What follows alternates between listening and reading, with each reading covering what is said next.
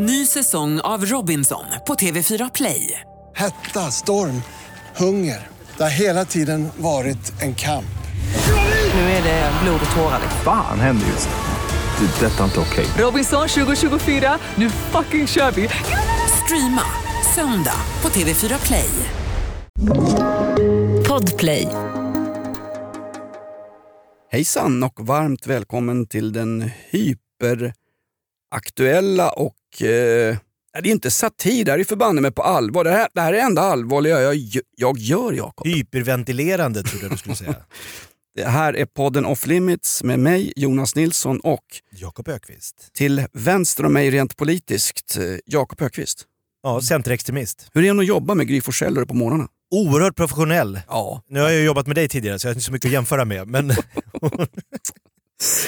Den här veckan, vi har olika gagballs och takes. Den här veckan tar vi upp klädkoden i våra eh, friskolor. mm. vi ska Eh, till Jensens på en liten eh, besök och så ska vi träffa Ygeman i en no-go-zon. Men som Ygeman säger, en go-go-zon. Exakt, och sen ska vi hylla en brittisk fotbollsklubb som aldrig har vunnit någonting i stort sett, men som ändå fyller 135 år. Sen ska vi eh, höra om min polare Tommy som råkade riktigt, riktigt illa ut eh, med, med spansk polis. Aj då, aj då. Och jag ska eh, ta oss tillbaks till minnenas boulevard via eh, den här regnbågssoffan som vi såg i eh, barn-tv. 80-tal var det va? Boktipset är tillbaks. Mm-mm. Regnbågssoffan, vem glömmer det? Och så över till våra duktiga politiker som gör nya karriärer. Håkan Juholt flög ju med ett askmoln från Island där han hade ambassadörstjänst ner till Sydafrika. Men han dök upp i veckan och gjorde ett gästspel som ståuppkomiker. Håkan Juholt, dags för premiär i podden Off Limits. Nu kör vi! Vi samlas här i radiostudion för att diskutera frågan om kebabsås. Låt mig säga på det här sättet. Jag har rest landet runt och jag har hört människor säga att såsen inte spelar någon större roll. Jag har mött dem här i studion. De vandrar i sin egen öken. De vet ingenting om verkligheten. De vet inte vad en kebab innebär. En kebab bärs upp av sin sås, av själen i såsen. Särskilt i Jönköping, där den är direkt kopplad till högre allsmäktiga makter. Man måste ju älska Juholt alltså! Otroligt! Alla som bjuder på sig själva är självklart hyllade i våran podd Off Limits. Nu! Vänta, vänta. Det är som Bosse Hansson säger, man måste bjuda på sig själv och det är såsen som är avgörande i slutändan. Vi, eh, ja men nu kör vi då. Ett, två, tre. Nu kör vi! Woho!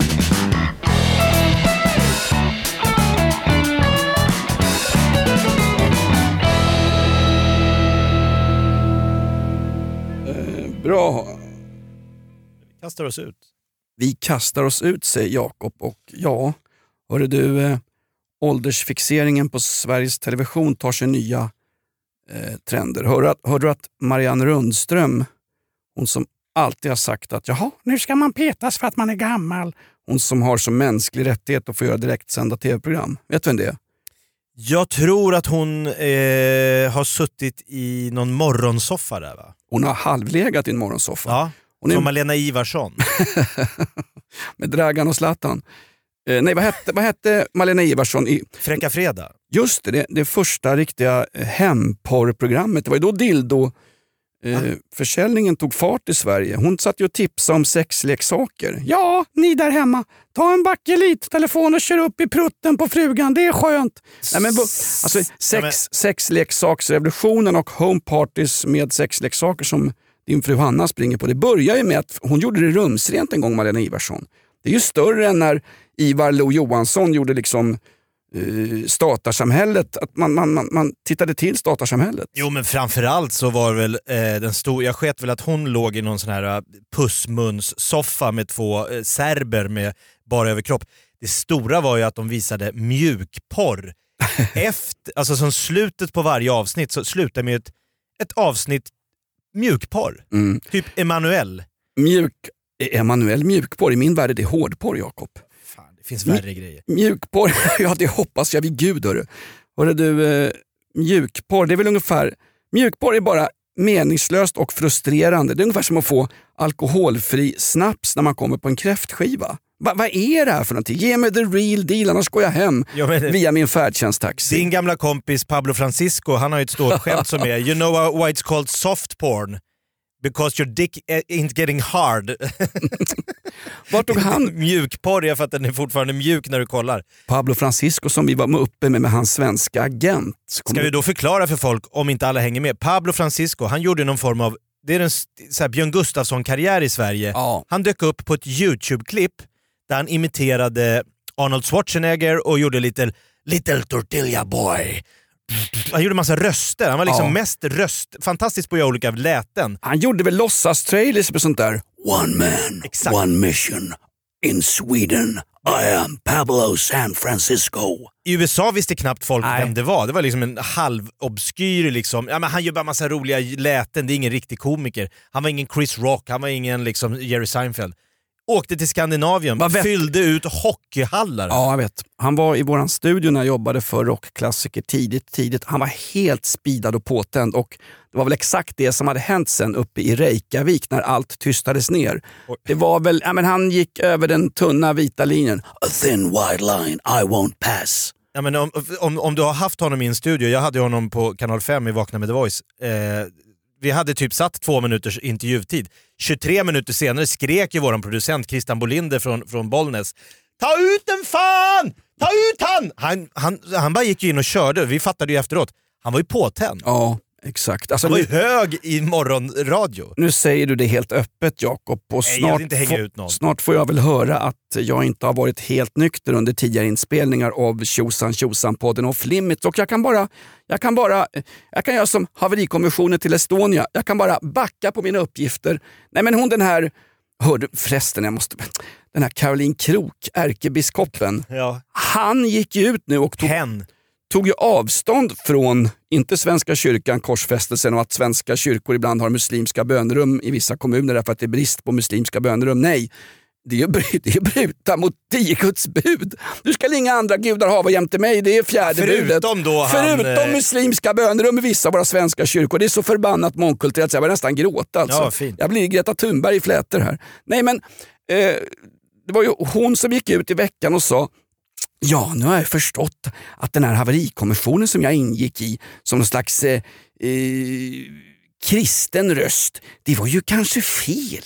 Nu kommer det en film här där några engelska fyllon har upp, eh, sagt att de till och med kunde tänka sig att bärga 125 kroppar de såg på Estonias... Ja, du menar hon satt i någon form av etikråd eh, och skulle komma med förslag men hon förstod inte, det Det var inga experter som hade förklarat för henne vad det fanns för alternativ. etikråd i din värld kanske Jakob. Hon var ett förbannat alibi för att Skolsulan och min gamla pubkompis från Broder Tuck på Götgatan, Ingvar Carlsson, skulle kunna stänga ner hela skiten. Nu har hon ju i veckan sagt att ja, det där med att jag godkände haverikommissionens utlåtande om gravfrid var kanske inte helt övertänkt. Varför signerar man en petition över något så otroligt viktigt?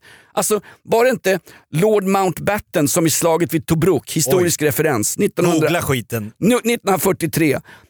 De grabbar som dör längst fram när tyskarna kommer med Rommels ökenarmé, de grabbar som dör längst fram, de tar vi hem.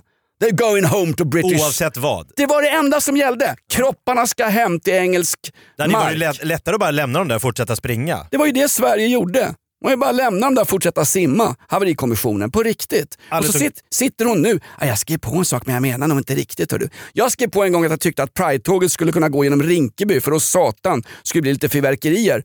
Ah, det kan jag ångra idag. Ja, varför skriver man då? Jag är var då- inte vid vad mina då- sinnes fulla bruk. vad- Jag åberopade fjärde tillägget. I, Nej, men- I mina sinnens fulla murbruk som Lars Werner, gamla muraren sa. Han var väl idoliserad i ditt föräldrahem Hans? Hans? Lars, Lars Werner ja, fyllot från... Eh, va? Redus- Han drack en del, det får Jo, vi ändå ge honom. Det kom han ut med och sa, men, men är något fel på att vara ett fyllo då kan jag ju lämna denna, denna, denna, detta krematorium på en gång. En krökande kommunist. vad, vad, vad kommer härnäst? Nej, men jag, jag pratar om att eh, folk är så förvånade nu när det kommer nya uppgifter om Estonia. Och så var det någon som sa, ja det är märkligt det här. Myndighetssverige var inte riktigt beredda på det här. Det känns som att myndighetssverige, myndigheterna hade... Jag bara, "My- när har någonsin... Ge mig... Tala nu eller tig för evigt. Ge mig ett exempel på tsunamin, Palme, eh, flyktingkrisen. När har någonsin svenska myndigheter varit edgy on target och snabbt på plats och vi såg, vi såg det komma?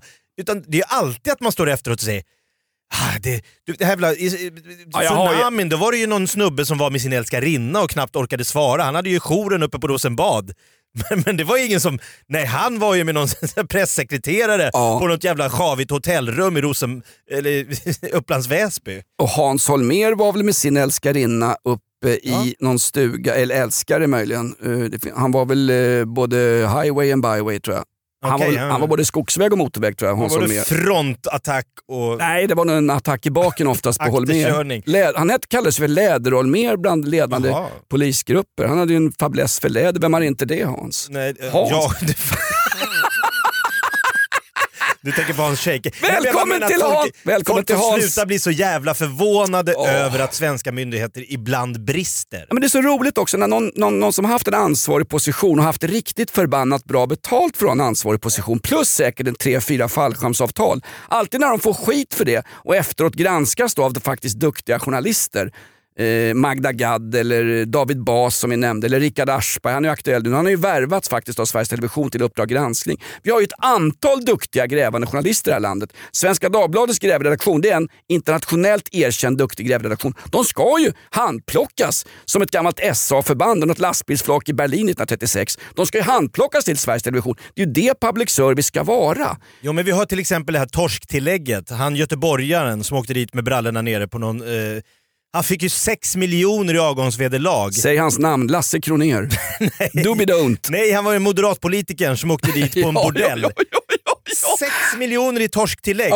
Det är ju inte klokt. Varför så här, du har gjort bort det fullständigt. Här är dörren. Nej, nej då är det en jävla massa olika såna här fallskärmar, olika här, om det ska, Men fan om du, om du gör en så oer, en kriminell handling, ska du verkligen ha 6 miljoner skattebetalarnas pengar på ditt konto? Det måste vara urus bara få r- ut med skiten. uruselt skrivna kontrakt från början. Är det Leif-Iban som sitter med bladguld och nyrike de och skriver, skriver Det är anställningskontrakt? Klart du ska ha ett torsktillägg om du blir tagen med brallorna nere. Det tycker jag är fruktansvärt. Men eh, var var jag någonstans? Nej, det, det är klart att det ska finnas eh, säkerhet inom arbetslivet, Nej, men, men det är ju någonstans den jävla nivån. Säkerhet inom arbetslivet. Ja, men Trygghet Jonas. Då kan vi inte anställa massa eh, plattskaft och göra poddar i det här landet som till exempel du och jag i, i eh, Tjosan-podden Off Limits.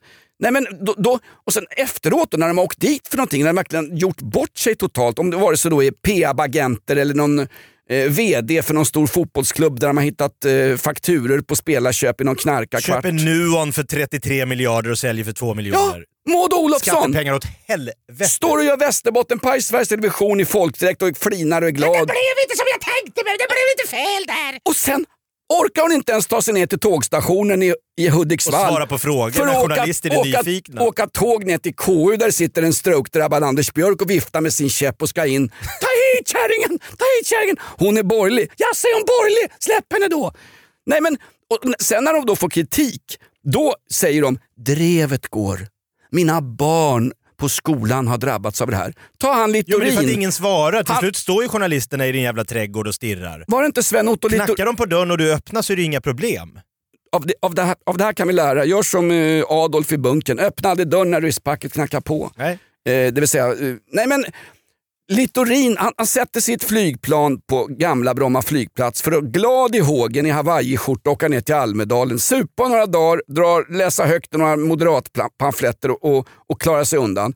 Under tiden som planet flyger från Bromma flygplats på väg till Visby flygplats för hans eh, semester en vecka i Almedalen så kommer det fram att karsloken är åtminstone misstänkt för att ha köpt, gjort en Paolo Roberto al dente, köpt prostituerade. Så han åtminstone sexchattat med den, vilket är moraliskt förkastligt. Jag har sexchattar också, men jag raderar skiten efteråt så inte Mikaela får syn på någonting. När han landar så är journalistuppbåd där och, ska, och kräver Du har hans... inget förtroendeuppdrag heller. det är skillnaden. Det enda drag jag har det är handdrag på ett Ja. utedass ute på Långhundra. Ja, men det får Satan vad jag onanerat på den där mulltoan. Det, Det spelar väl ingen roll. Nej men då, när, han, när han landar då, Littorin och är anklagad för det, då fattar han ju ingenting. Han går av i Visby. Vad är det för massa folk här? Då är ett pressuppbåd som på några timmar har fått tag på den här grejen. Att det är han som är den moderata partipolitrucken som har ofredat folk. Så då får han ju avgå på en gång. Vad, vad är det första han gör? Jo, han bokar in en tv-tid och gråter ut. Mina barn kommer att drabbas av det här. När drevet går har man ingen chans. Mona Sahlin har gjort samma sak. Så fort de åker dit liksom med byxorna nere och visar upp sina randiga fillingar, alternativa frottétrosor med hål bak för snabb kontakt, sloggytrosor. Då, då är det liksom, drevet är omänskligt. Det går inte att klara sig ur ett drev. Sköt ditt förbannade jobb så slipper du drevet. Ja men det är också det här med alla såna här olika influencers och youtubers och olika nätkändisar nu som, som talar ut om alla haters. Jag klarar inte alla hate Ni där ute som hatar mig för att jag lägger ut mina filmer. Dra åt helvete! Och så sitter de och gråter och skriker. Tänker man så här, kändisskap och rikedom kommer tyvärr med en kostnad. Ja. Du kan inte bara få bli kändast i hela Sverige, rikast i hela Sverige och det ska vara som en jävla räkmacka rakt. Det kommer vara folk som är avundsjuka, det kommer sitta mentalt svaga människor och vara, tycka du är en jävla idiot som visar ditt nylle i, på Youtube varje dag. Jag till exempel. Fan, och ska sitta där och stirra mig rakt in i ansiktet. Varför tittar jag på det här? Så blir man förbannad. Jag bara menar att det, alla såna här Instagram-drottningar och hit och dit, det kommer komma skit med... Alltså, myntet har två sidor. Absolut. Som när den där eh, tjejen, vi behöver inte nämna hennes namn, när hon eh, gör en operation, Sveriges dyraste silikonbröst. Och sen blev hon förbannad några veckor senare i media när folk bara tittar på hennes bröst. Ja men vad trodde du? Folk är ju, folk, så låga är ju Så människor. enkla är människor. Exakt, vare sig de ska eh, bärgas från botten av Estonias eh, fartygsvrak eller bara ut i samhället. Så nu fattar jag Jakob, det är därför du har valt bort både kändisskap och rikedom. För att, för att Exakt! jag Jag orkar inte med kosta. Alla haters där ute, sluta hata mig! Jag gör bara vad jag kan för att Någon- underhålla. någon som har överlevt tack vare eh, alla haters, det är ju Anna Bok. Hon har ju hundratusentals följare och jag tror att ingen följer henne på allvar för att de tycker den är en fyr i mänsklighetens eh, utveckling. Hon talade ut i veckan om att hon hade haft covid-19 i somras. Ja, hon och Trump samma vecka. Vad är oddsen? Trump som åkte från Walter Reed-sjukhuset i Washington på en stegrande chopper och skrek att Covid är inte så farligt, andas lite mer långsamt, använd inte plastsugrör och mer skatt på miljöpåsar. Och så gick han upp framför sin publik och gjorde, istället för att kasta ut trosorna så kastade han munskyddet som folk fick slåss om. Det är ändå, det är rock'n'roll. Exakt, det var ingen socialt avstånd när de plockade hans munskydd. Alltså helt otroliga scener. Ja, men han har ju sagt nu att det där, det, det, det har ju spritt ett klipp nu som är väldigt underhållande. Han var ju med i någon sån här wrestlingfilm. Alltså han var ju där som Donald Trump fast det var ju under The Apprentice-tiden. När alla svarta rappare rappade om hur cool Donald Trump var. Jag vill vara som Donald Trump.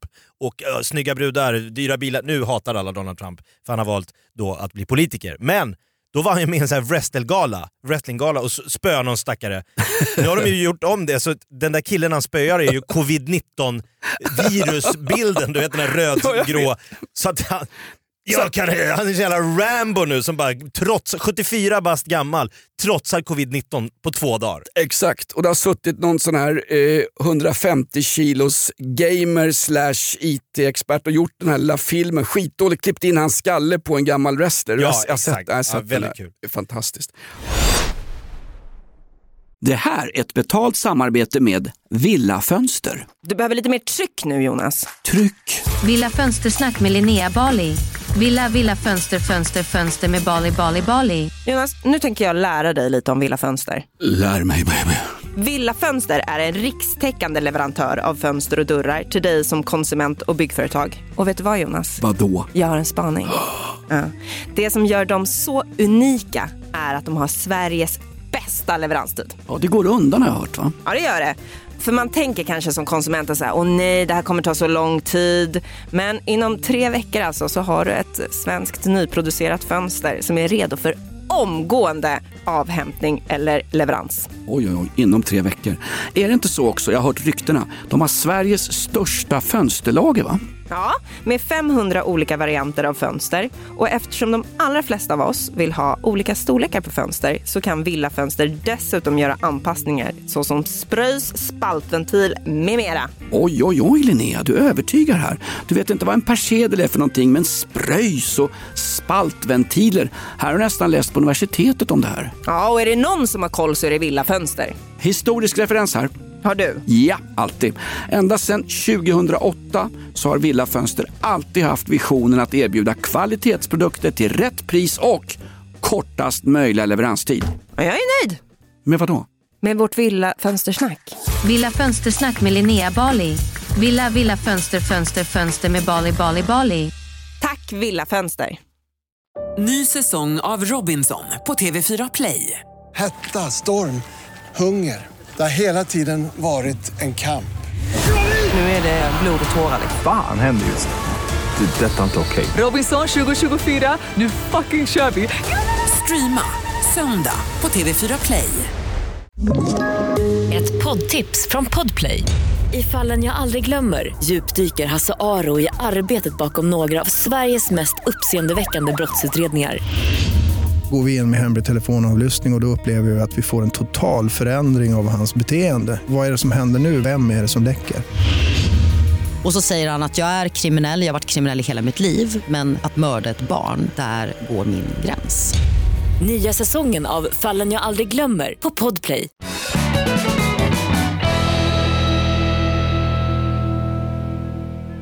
Hörru du... Varför sitter du och hotar mig med din telefon?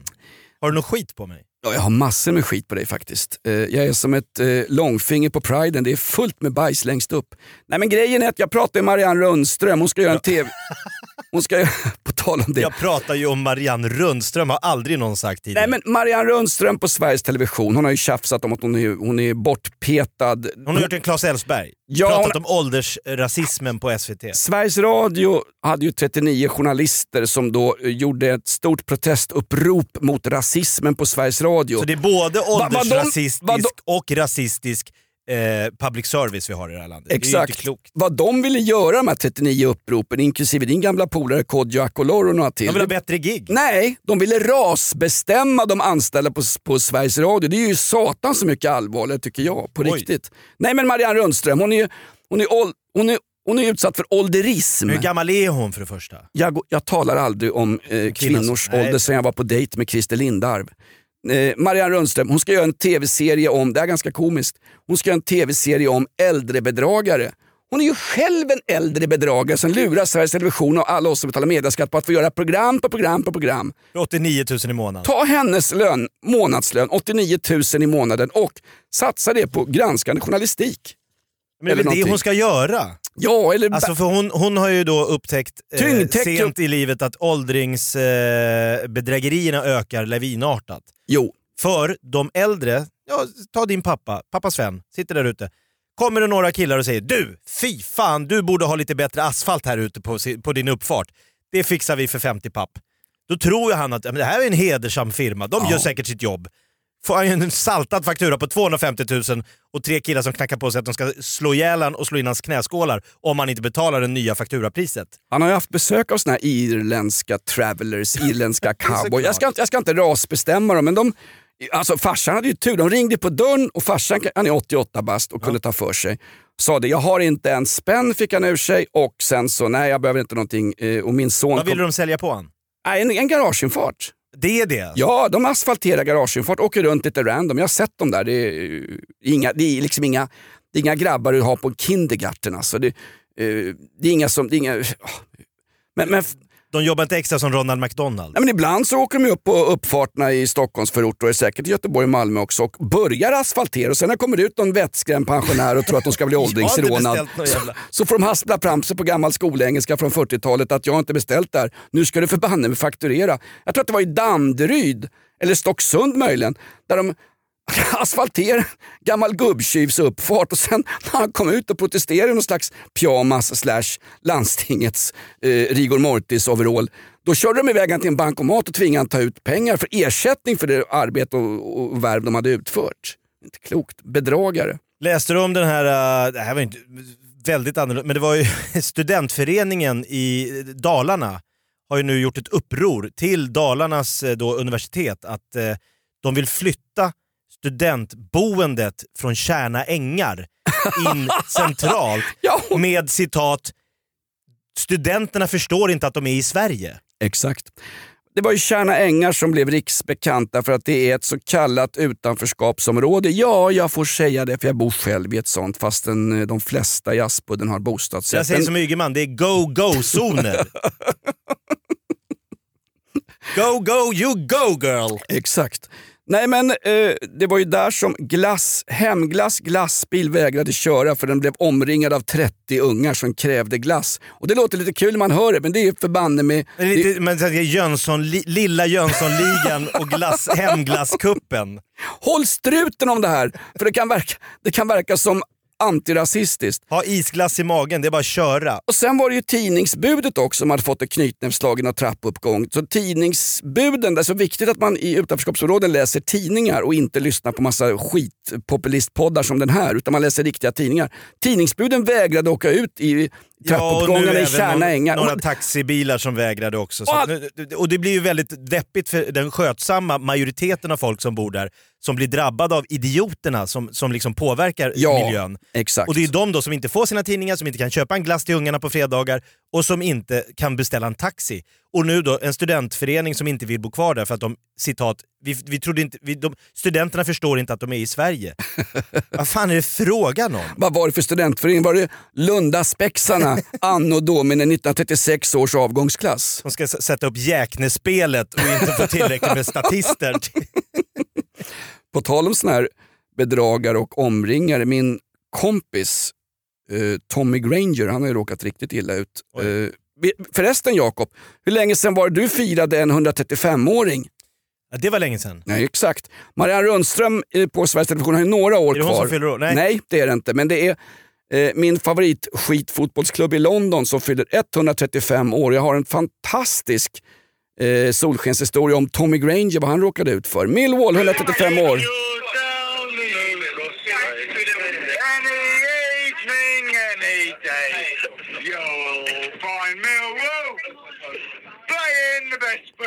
Nej, inte där är- spiknyktert där. Nej, det där är Budgie på tunnelbanan. Men hur som helst, Tommy Granger, han eh, åker ju mellan London och eh, en mindre ort i Spanien.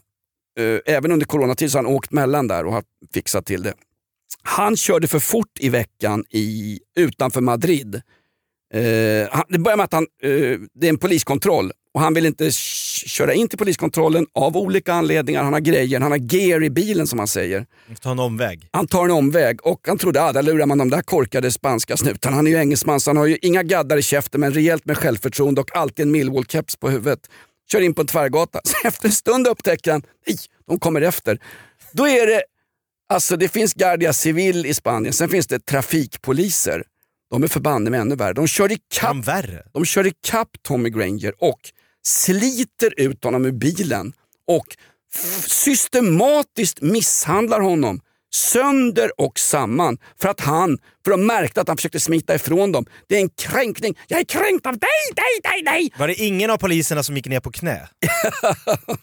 Det är bara svenska fotbollslandslaget damer som går ner på knä. Varför kan inte svenska damlandslaget gå ner på två knä och sen bara slänga mattan rätt, slänga skallen rätt i mattan? Hur som helst, han blir, systemat han blir systematiskt misshandlad av poliser. Och eh, han råkade... Men vad är han misstänkt för? Inte vet jag! Han, De passar på. Fy de fan. passar på att spöa honom och, och med, med den vetskapen, han ringde ju hem Tommy till eh, hans kompisar och mina kompisar i London, till hans pappa Colin och han var helt alldeles förtvivlad liksom. I ny bil och allting. Eh, och sen så eh, kollar de också, nej de, de, just det, de spöar så satans mycket så de kollar inte ens alkoholhalten. Så han, kla, han klarar sig från, det är ju hårda straff för att köra på fyllan i Spanien. Han klarar sig från, varför berättar jag om det här för? Ja men det är bra, men det finns ju massa kriminologer nu som Vad är det de säger? ut... Om Millwall hade varit en pub hade vi stängt den 1970. Till- Citat Londonpolisen. Till och med professor Zanecki går ju ut nu och säger att vi måste se över våra liksom, lagar, det, har, det, har liksom, det här funkar inte längre. Den, den nya typen av kriminalitet kan inte bemötas på samma sätt som lagarna som var skrivna på 60 och 70-talet var skrivna på. Nej, vi har då ju- är ju problemet att då kommer det ju alltså, om polisen då får nya order så att de blir lite mer som dina spanska polare som jagar din kompis och spör upp han. Jag vill bara poängtera, det är ett fruktansvärt övergrepp. Men det är det jag men- menar. Men alltså, var första klippet när en polis beter sig på ett annorlunda sätt än vad vi är vana att se, alltså att det blir lite med hårda tag, att de liksom, då kommer ju DNs ledarredaktion, de kommer ju de kommer gå armkrok ner till polishuset och, och bi- binda fast och säga Vi kan inte ha polisiärt övervåld I Sverige! Alltså, vi är så ovana, vi är vana vid poliser som är kling och klang. Alltså, det är den polisen vi är vana att se. Ja, men någonstans det finns ju ett mellanläge mellan Guardia Civil och, du? Eh, och eh, svensk eh, lagstiftning när det gäller misshandel som ungefär är anpassad efter ett fylleslagsmål på en dansbana 1956 i Forshaga, Värmland. Jo men ta, säg att det uppstår kravaller, om Ja, det blir ja. så Husbykravallerna för 5-6 år sedan. Tänk om polisen hade kommit dit med så här vattenkanoner, gummikulor, sköldar och börjar rensa. Det hade, vi hade, det hade blivit... Det, du, du tror att det hade bara såhär, ja bra, ta tag i buset, så här kan vi inte ha det. Nej, vi har inte den kulturen i det här landet. Nej, man hör, alltså, jag, vet inte exakt vad det här blev för podd, men man, man, man hör att Jakob har förvandlats till Josef Goebbels. Du är så frustrerad över att se kyrkogårdsvåldtäktsmän springa hej vilt och tala ut i både Let's Dance och vanliga tv-program. Så att nu är du beredd att byta det mot, mot liksom Nej. spanska fascister som spöar. Faktiskt per definition är inte han oskyldig. Har han har inte varit oskyldig sedan han köpte sitt första säsongskort till Millwall. Jag Tommy, säger men- bara att de här nya kriminologerna som säger att det, det, det sättet Sverige har bemött eh, den nya hårdare eh, liksom, gängkriminaliteten med inte är receptet på att det går att vända. Vi måste ha en helt ny typ av... Liksom, de, de förstår inte kulturen att i Sverige Ja, p- ja, men, ja, men I England, polisen är väl inte ens beväpnade där på gatorna? Jo men det, är, det där är en gammal, det är en gammal fördom också. Men, men den Men de odlas... har olika typer av poliser. Den De gatupoliser så har de liksom, kommer det snubbar i en jävla van och, bara drar in folk. Det hette SPG på det glada 90-talet, Special Patrol Group. Och de, det, var ju, det, var ju som, det var ju som spansk och fransk polis. Karabinjärerna. Ja, ja, typ. Det var ju mer laglöst än vad det var. Och det, Var det laglöst? Men, du, du kan ju sitta i din mexitegelvilla i ditt trygga förbannade Saltsjöbaden och tycka sånt här Jakob. Men någonstans... Det är ingenting jag tycker. Fast Jag erkänn- tycker alla människor ska ha- ta hand om varandra. Handen på hjärtat och långfingret på G-punkten på grannfrun Jakob. Visst skulle du föredra att spanska poliser slet ut misstänkta människor som hade kört för fort in i en fartkontroll hellre än att ha genuspoliser som går ner på knä för eh, demonstranter centralt i svensk television. Ja, men det finns väl grader i helvetet? Tack! Ja. Tack! Det är det jag menar. Att Jag säger som Thåström, 800 grader. Ja, men de säger ju att... De, ja, det- fan, det är ju min gagboll idag. Då kan jag faktiskt dra igång här. Nu, nu, vi är inne på mitt, eh, mitt... Lyssna på den här. Dagens boktips. Fanny och morfar. En bilderbok av Sven Lundqvist.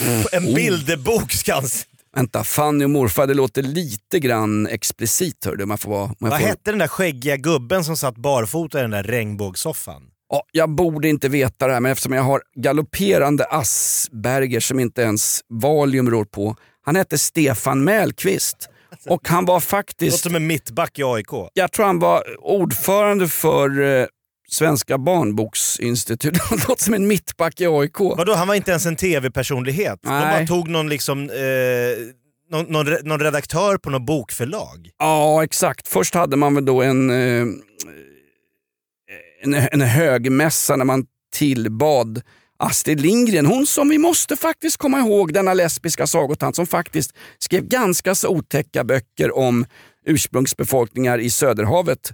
Eh, kurredutter och allt vad de kallar dem för. Men hon tillbeds ju fortfarande. Svenska barnboksinstitutet var upp, internationellt uppmärksammat och den där killen Stefan Mellqvist, han var chef där och fick då göra TV eftersom han hade rätt typ av velourbyxor. Han hade rätt dresscode för narrativet i dåtidens SVT. Ja men för er som inte var med på den här tiden. Det var, Ingen alltså, var med. Det var alltså ett pro- program med en eh, gubbe som satt i en soffa och läste högt ur bilderböcker. Tack för att du kallar På honom gubb. bästa sändningstid, 17.30. Har ni sett? Va? Kanal 1? Och så kom han springande. inte klokt. Det var liksom... Du kallar honom gubbe, han var säkerligen 10 Han var år 42 yng- år. yngre än vad jag är idag. Snälla någon. Just shoot me! För att Jo, men här- citera Joe Biden, yrvaken och på snedfyllan. Ja, för här kommer jag med mitt boktips då. Som Jaha.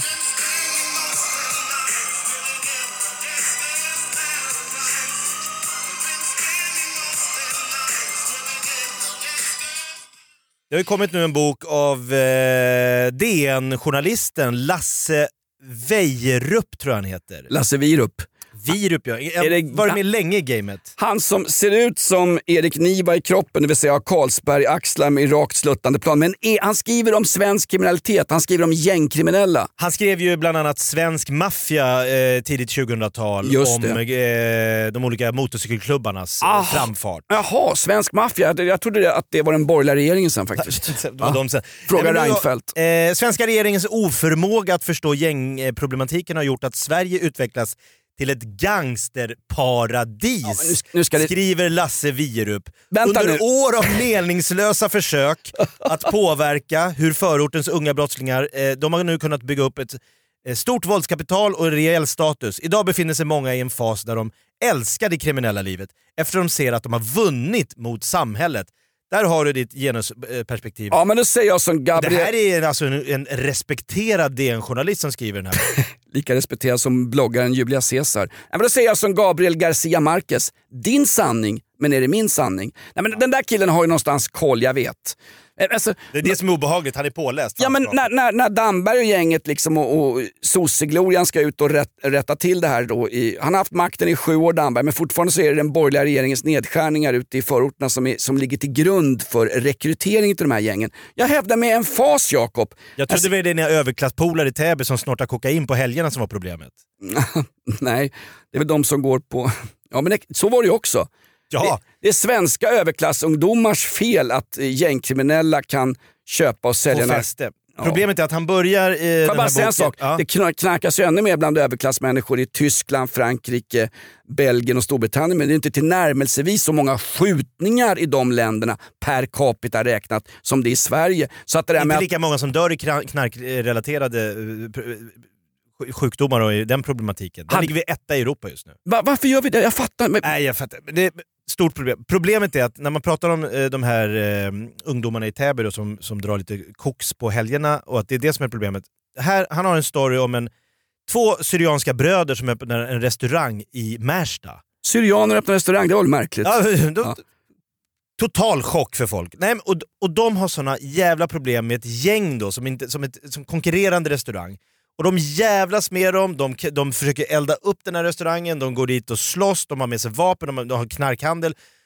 Det går så, och till slut så tjatar de så jävla länge att de vill ha en kamera som liksom, och det är helt omöjligt för liksom, eh, civilsamhället att göra något. Och de här killarna som är på där, de är 16-17 år, de är ditsända av någon jävla ligaledare. Så de åker aldrig dit. De är liksom inne, om de, om de liksom kommer dit med vapen och hotar någon, ja, de är ute på en månad, två månader max. De får ju ungdomsvård. Alltså det, då förklarar han att det här, det kommer inte gå att stoppa den typen av där, besatthet av ett gäng att jävlas med någon med den typen av verktyg vi har idag. Nej, men de här stackars två bröderna som öppnar restaurang. Är det, så det är folk som är, du säger att de är ute efter ett par månader. Där, om de här killarna grips, alltså, du är straffmyndig från 15 års ålder i Sverige, men de här är alltså, de är minderåriga, de är under 18 16, år. 17, 18. Ja, okej. Ja, Eh, de här kurirerna som, som gör de här, liksom, de som är längst fram, liksom, front guard, som, som de skickar dit för då vet de att då är de ute jättesnabbt om det skulle hända något. Får jag gissa att de kallas ibland för Adidas-krigare?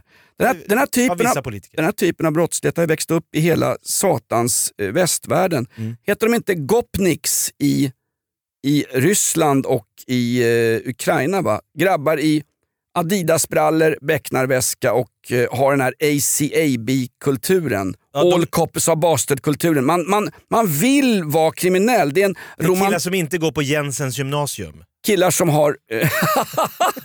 killar, s- Jensens, nej men Jensens grundskola var det som hade, var det grundskolan? Okej. som hade eh, klädkod. Man fick inte ha mjukisbyxor i Jensens Och grundskola. inte magväska. nej, exakt. Alltså när jag var ung, då var magväskan också populär tidigt 90-tal. Då var det kriminellt att ha en sån för det var så jävla fult.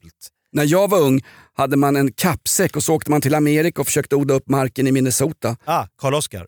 Men vad då hade du, hade du midjeväska när du gick i plugget? Ja, men det fanns ju folk som hade det. Det var ju kriminellt fult att gå runt med det här. Idag är du kriminellt kriminell om du går runt med en magväska. jag förstår inte hur vänd, vändpunkten kom. Nej men står du i kön till Rish och Skilsmässodiket, den där klassiska baren där det är mer lättraggat i chark, än i charkdisken Mm. och har en midjeväska på en helg, då är det en riktig midjeväska, då är det något snyggt. Men har du ute och är en Gopnik ute i en förort eller som de säger i London, en chav i en förort eller en upschaum som de kallas i Tyskland, då är det något fult. Ja, men de här stackars bröderna i Märsta, de slåss med näbbar och klor. De gör precis vad fan som helst för att bli av med det här problemet. De liksom försöker ha samtal, de ringer polisen, de sätter upp övervakningskameror. Men den här övervakningskameran den, kopplar, den tas ju då ner för att det är så här, nej det är integritetskränkande för vanligt folk på torget som blir filmade när de går lite hem på fyllan med fel gubbe. Här, men det, kan väl, det må ju väl då vara hänt om det kan skydda från... Alltså det skjuts in med liksom automatvapen genom deras restaurangfönster. Ja men det sitter ju en juridisk sakkunnig på någon satans lagrådsdepartement och så tänker han att eh, integriteten är det viktigaste vi har. Men för folk som bor i en förort, som de här Syrianska bröderna, där man inte har en grundläggande trygghet, så kommer ju det Trygghet går väl före integritet. Filma mig när jag drar ner byxorna på Mikaelas landställe och lägger en stor satans ringlande skitkorv i en buske. Det bryr jag mig inte om. Bara jag inte får stryk på nattbussen av något satans... Stryk, bli skjuten eller pissad i munnen. Men alltså det är det det handlar om. Det handlar om att Du, måste... det finns klubbar där du blir pissad i munnen. Det kostar för mycket tycker Ja, jag. det är för dyrt. Ja. Ja, då ska du åka till andra ställen. Nej men alltså, som du säger, integritet till all ära, men, men liksom så här, frisörer slår igen, när matbutiker slår igen, när restauranger slår igen. Till slut, vad fan blir det för jävla torg? Vad blir det, för, det, det blir inget civilsamhälle kvar. Nej. Och vad är nästa steg? Att inte glassbilen vågar köra fram i ett sånt där område? Ja, visst ja, det hände ju utanför Borlänge. Eh, nej men jag, jag håller med dig Jakob, men, men hur... hur, hur det det här. Nu är det Kriminalpodden här. Ska vi ta in Leif GW Persson och Je- Jerzy Sarnecki för dem debattera förortsvåldet? Hörru du, eh, nej men det var ganska kul eh, det där med Jensens grundskola du var inne på, det med mjukisbyxor. Ja men där är igen, då säger jag igen då, då kom de med det förslaget. Åkte på duktigt med stryk Oj, oj, oj. av allt och Han alla. blev ju grillad, halstrad och omskuren i direktsänd radio. Det var någon rektor från Jensens grundskola i Göteborg som var inbjuden till studiet. Han var ju, det var ju nötfärskt när han gick rätt ut. Ja, Alltså. men han var ju Himmler i PR, s- Sveriges Radios ögon. Ska du blir, det, blir det uniformstvång härnäst? Och ska de stå i raka led och svara ja på frågorna? Det är det jag menar, vi har liksom inte, när polisen då ska bli lite hårdare för att vi måste möta buset med, med hårt mot hårt helt plötsligt, då har vi inte det i oss. Det är samma när skolorna då ska börja liksom rensa upp på skolorna. Det ska inte vara folk som sitter med fötterna på bordet som du gjorde, en bakvänd keps och bara ber Majen dra åt helvete. Det måste vara lite ordning och reda. Ja men då blir det så här, jaha ska vi ha Stig Järrel-skolan? Ska hets? Ska rottingen tillbaks? Exakt. Eh, Eller ska man bli misshandlad av eh, spanska polisen när man som Tommy Granger kör lite för fort i en Millwall-keps i, i Spanien? Det kan jag tycka att den är värd också faktiskt. De kanske var Arsenal-fans. Det kanske de var. Eh, nej men, vad, är det inte i Seinfeld som han George Constanza, han som är the comic relief i hela den serien, han går väl alltid runt George Costanza. han går väl alltid runt i mjukisbrallor. Då säger väl, jag tror Jerry Seinfeld säger till honom, jag kan minnas fel, det är inget Seinfeld-fan, men han säger det. Eh, när du har såna här brallor på dig George, eh, då vet, du vet vad du signalerar. Du vet att jag, jag kommer aldrig utföra någonting av värde, jag kommer eh, vara ganska miserabel i mitt liv, så jag kan lika gärna visa hela världen att jag har gett upp. Därför går jag runt i mjukisbyxor, utomhus, på citygross eller vad jag nu går runt med det. Och George Constanza bara springer ut i det Du menar avsnittet. eleverna på Jensens grundskolor som går i mjukisbyxor, de har gett upp.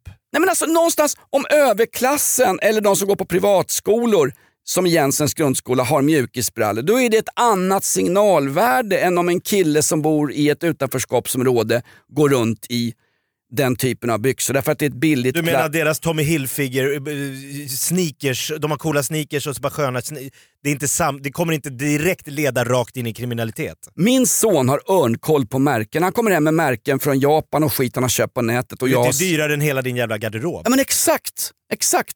Han kan köpa liksom Paul Smith-skor som jag inte ens har råd med att, att titta i på, på nätet efter. Och han kan direkt säga gettomärke, då går det bort helt. Stone Island för min son, som är ett, ett casual-märke som bla bla bla bildat en sån här ultraskulptur. För min son är det ett, ett ett B-märke. Det är förstört. Ungefär som att gå runt med en, med en Gucci-keps. Ingen som går runt med en Gucci-keps längre har Jobbar på Gucci. Nej, det är inte ens Gucci. Allt är en kopia köpt av någon, någon glad ganes på en strand i Kreta. Liksom. Äkta Gucci-kepsar, två euro. Är de äkta då? Ja visst, absolut. Och här har jag ananas också med salmonella i. Jag kommer ihåg när jag jobbade som DJ på Golden Hits, det här är sent 90-tal. Då var det ett jävla liv i dörren en, dag. Då var det Bingo Rimér som hade börjat bråka med vakterna. För att de ville inte släppa in honom för han hade jeans. Då sa Bingo Rimér, det här är Helmut Lang. Jag kan köpa din jävla bil för de jeansen. Men det sket de i, för det var jeansförbud på, på Golden Hits på 90-talet. Det är sant. När gamla, gamla fina casualmärket Burberry började göra jeans, då kom du inte in på Stockholms inneklubbar. Jag kom inte in av andra anledningar heller, jag har för dålig andedräkt. Men du kom inte in med Burberry jeans för att det var jeans. Fast de kostar ju som eh, två stycken eh, Så du kunde gå och köpa ett par jävla noppriga gabardinbyxor på, på, på Galne Gunnar. Det var bara att vissla in på Café Opera. Och då sa dörrvakten, vad är det där för noppriga gabardinbrallor? Hallå, det där, är, det där är elakt. Det är psoriasis, jag, är, jag har kortbyxor på Jag, mig. jag har shorts. Exakt. Nej, men det här klädrådet är också märkligt. Eh, Jensens grundskola, man fick inte ha vissa saker. Kan, bara, kan någon bara fråga en friskola om det är okej att tjejerna på just de och de friskolorna har utsläppt hår? Va? Där har du också ett slags klädtvång. Du måste ha hijab här. Måste jag? Får jag inte välja att vara utan det? Vi får ju inte ha klädtvång. Men Nej, ibland, nej, nej. ibland funkar det, ibland funkar det inte. Hit Jag har varit i? Hongkong, där satt alla ungdomar i kavaj, rutiga byxor eller rutiga kjolar, vita skjortor, slipsar. Där jävlar du, där är det ordning och reda. Mm. Och det är kommunist-Kina. Gick du på en sån där prep-bordell eller där folk där alla, Nej, inga- alla inga- tjejerna är utklädda till eh, sån här... Det var inga geishor. nej, nej, nej, det här var skolungdomar. De satt och pluggade på, på alla Starbucks som låg i varenda jävla gathörn i Hongkong. Sitter de och pluggar med sina datorer på kvällarna, eller på eftermiddagarna efter skolan. Tick, tick, tick, tick, tick. Sen åker de hem och pluggar vidare. Skulle en svensk elev gå i skola i Hongkong i en vecka så skulle de få skrivas ut, utbrända. Man har inte orkat med det jävla tempot. Ja, här sitter ju då Jakob Ökvist och föredrar... Jan Björklund tack. här sitter Jan Björklund från eh, Trygghetsnarkomanen Jan Björklund sitter här och förespråkar då polisvåld från spanska poliser som ger sig på min kompis och skoluniform. skoluniform och man pluggar dygnet runt. Är det inte i Hongkong och Japan? Vänta nu, det, det, det är inte, nu ska jag inte blanda ihop Hongkong och Japan. Sydkorea tänker för, för det gjorde ju, det gjorde ju ett salig Theresa May. Eh, frid över hennes minne. Hon död? brittisk totalt hon är, hon är politiskt, Politiskt död. död. Ja. Eh, nej men det var hon som blandade ihop vet inte Japan som har världens högsta eh, självmordsfrekvens bland skolungdomar Jakob. Där har ditt förbannade, eh, Shang, där har ditt förbannade Paris, ditt förbannade Shangri-La. Googla skiten folk. Shangri-La, ut, det är ut, Utopia som vi känner det. Är de släkt med Chang Frick? Nej men jag säger inte, jag, jag är inte för mer polisvåld, jag är inte för eh, skoluniform. Jag bara säger att det ser olika ut, men just i den svenska debatten så är det alltid så att om något föreslås i Sverige, då är det så här. Åh nej, nu har, nu har Satan klivit ner på jorden. Medan det finns i massa länder som vi aldrig skulle ifrågasätta. Ja men Kina, det är ingen som ifrågasätter just skoluniformen i Hongkong. Nej, det kan finns ju- andra saker de gör som man har mer problem med. Kanske till exempel mänskliga rättigheter. Det kanske har att göra med att om du protesterar mot skoluniform i Kina så hamnar du i ett omskolningsläger strax utanför Wuhan. Där Disney numera spelar in alla sina filmer. Mulan är inspelad i ett omskolningsläger där man försöker göra om muslimska medborgare till duktiga, goda kineser. alla Mao Zedong, denna massmördare i historien. Ja du ser. Ja, exakt. Eller frihetskämpe som farsan kallar honom. Transparens, dekadens men framförallt självdistans. Det här är podden Off Limits. Jakob, jag hade en massa bra prater om... Ja, du har med en, det ser ut som du går runt med den nådiga luntan. Du har med dig, eller har du glömt att gå förbi återvinningen? Åh, det är samma sak! Papperna som ligger i väg dit. återvinningen och mina... Men jag hade ju så här kom ihåg-stolpar. Det var ju Håkan Juholt. det var ju han...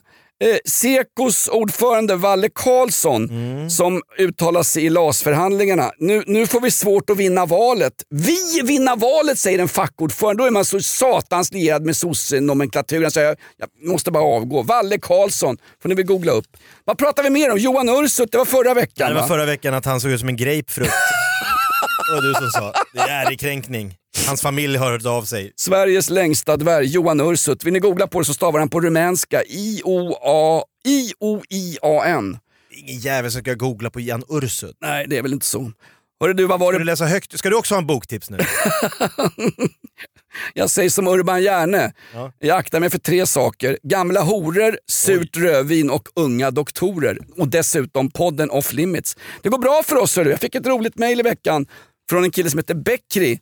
Han jobbar på eh, Grillholken eh, ute i Tullinge. Oj, oj, oj. Hej killar! Det är sällan jag skrattar åt något riktigt högt, men eran podd, den är inte klok någonstans. Keep it up! Beckri! Och sen är det då han, ja, han har någon tunnbrödsrulle, men nej, det, blir, det blir för mycket Men ska vi reklam. kanske ha, eh, om det blir någon säsongsavslutning här, någon julfest, att vi har den där? Ta med oss Linskov. Det känns som en- Linskov har ju inte varit utanför tullarna på tre år. Nej, exakt. Eh, där har du klädkod också, Lindskov. Ibland, på riktigt, ibland, det är ju. En... Chevignon-kavaj. Ja, men jag ser på hans knäppning, det är ju damblusar han går och köper Jaha. alltså. Va? Ja, men det är mode nu, det är senaste mode. Louis Vuitton herrskjorta hänger ju under damblusar. Han är född sent 80-tal. Han, han, han fladdrar, han fladdrar mellan, både, mellan tyngdtecken och könstillhörighet. Eh, Jakob, är vi klara för idag eller? Ja, fortsätt helt enkelt eh, sprida budskapet. Vi vill gärna ta emot lite feedback. Det gör ni gärna genom att sätta in en femma på iTunes när ni recenserar oss. Det går också att skriva. Om man scrollar ner så kan man liksom skriva en liten kommentar, en liten hälsning. Är det ämnen som vill, ni vill att vi tar upp i podden så är ni varmt välkomna att eh, tjonga in det. Gå också in på våran Flashback-tråd och låt Håll grytan kokande. Absolut. Jag skulle ju fira att fotbollsklubben Millwall fyllde 135 år Vad hände här. Ja, men det blev ju ingenting av det Jakob, så jag tänkte faktiskt spela upp när Budgie, eh, ganska så onykter i en tunnelbanevagn full med Tottenham Hotspur-supportrar ändå vågar sig på att sjunga. Jag har själv spelat in Budgie när han sjunger i en full Tottenham.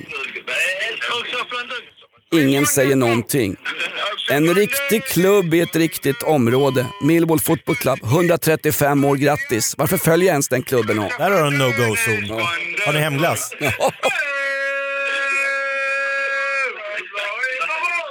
What do you reckon, bro?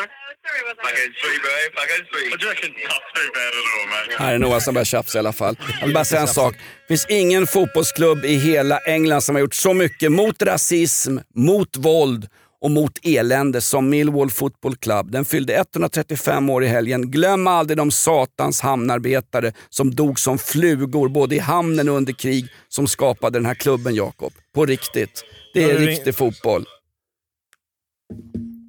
Vi ses om en vecka, inshallah. Ja, sprid ordet! Eh, det här är podden Off Limits eh, med Jonas Nilsson, känd från uh, Anonyma Alkoholister, Aspuddens Sunkpub Udden och uh, Rockklassikers morgonshow. Och sen Jakob Ja, Öqvist. de hittar nu AIK-kontrakt med ditt namn på, på någon tillslag i någon, på någon razzia, polisrazzia vecka. Ja, alltså Jakob Ökvist från podcasten... Ja, vad var eh, det för podcasten. någonting? Ja, det där kan vi ta i Åh. nästa vecka. Eh, Mix Megapol, fry, gry, fry, fry, f- Fry me to the moon, Gry Forssell med vänner. Där hör ni mig på morgnarna. Just det. Vad var det du hade i veckan? Man skulle gissa om du var Clark Olofsson eller? Ja, Clark Olofsson eller Liam Gallagher. Åsikterna gick isär. Det var en blandning. Eh, det här är Off Limits. Tack för att du lyssnar. Vi hörs igen nästa vecka. Off Limits är ju lite som ett kärleksbarn till Clark Olofsson och Liam Gallagher. Med, med Thomas Quick som amma. Ja. Puss och kram, hej! Ny säsong av Robinson på TV4 Play. Hetta, storm, hunger. Det har hela tiden varit en kamp. Nu är det blod och tårar. Fan händer just det. Det är detta inte okej. Robinson 2024, nu fucking kör vi! Streama söndag på TV4 Play.